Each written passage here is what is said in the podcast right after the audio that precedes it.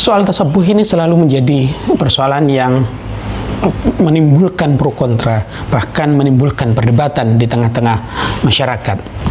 Ini memang bermula dari satu hadis Rasulullah SAW man tasyabbah biqaumin fahuwa minhum. Orang yang menyerupai suatu kaum maka dia termasuk dalam kaum itu.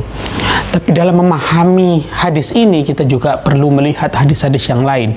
Bahwa Rasulullah SAW misalnya dalam kitab Asyama'il Al-Muhammadiyah yang ditulis oleh Imam At-Tirmidzi disebutkan bahwa Rasulullah SAW menyebut diri beliau itu suka sekali kalau meniru apa yang dilakukan oleh orang Yahudi dan orang Nasrani, ahlul kitab maksudnya, daripada beliau meniru orang musyrikin, orang majusi. Kenapa demikian? Karena sesama ahlul kitab, sesama orang yang menerima kitab, sesama agama samawi sama agama yang diturunkan oleh Allah Subhanahu wa taala maka beliau menyatakan diri lebih suka mirip dengan uh, orang Yahudi dan orang Nasrani. Apa itu maknanya? Maknanya bahwa dalam konteks uh, tersebut ya menyerupai yang nanti ada pertarungan identitas.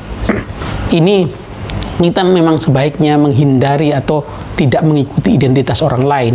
Tetapi apabila kemudian identitas itu kita apa e, sudah menjadi identitas umum, contoh misalkan kita pakai kuku itu dulunya adalah identitas orang e, China, identitas orang Tionghoa, tapi kemudian diadaptasi, diadopsi, disesuaikan dengan kebutuhan umat Islam, tidak ada juga yang mempersoalkannya.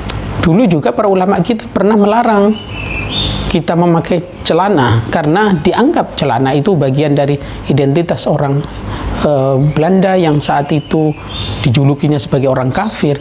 Tetapi kemudian seiring pertambahan waktu perkembangan waktu apa fatwa soal tasyabuh dengan menggunakan celana yang waktu itu diidentikan dengan orang kafir dalam hal ini adalah orang Belanda, orang Belanda, maka eh, kemudian berubah lagi. Maka kita perlu memahami apa yang dimaksud tasyabuh. Tidak semua yang kita tiru, tidak semua yang kita adaptasi, tidak semua yang kita adopsi itu selalu tasyabuh. Kalau semuanya itu kita kategorikan tasyabuh, nanti menara itu juga bukan dari tradisi kita, itu tradisi Persia.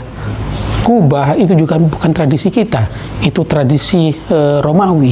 Maka di sinilah perlu kearifan, perlu ilmu pengetahuan untuk melihat apakah sesuatu yang kita kenakan, apakah sesuatu yang melekat pada diri kita, sesuatu yang kita lakukan itu tersyabuh dengan orang lain atau ada sesuatu yang kebaikan yang kita bisa uh, kemas sehingga kita bisa mendapatkan manfaat dan keuntungan dari mengikuti tradisi itu.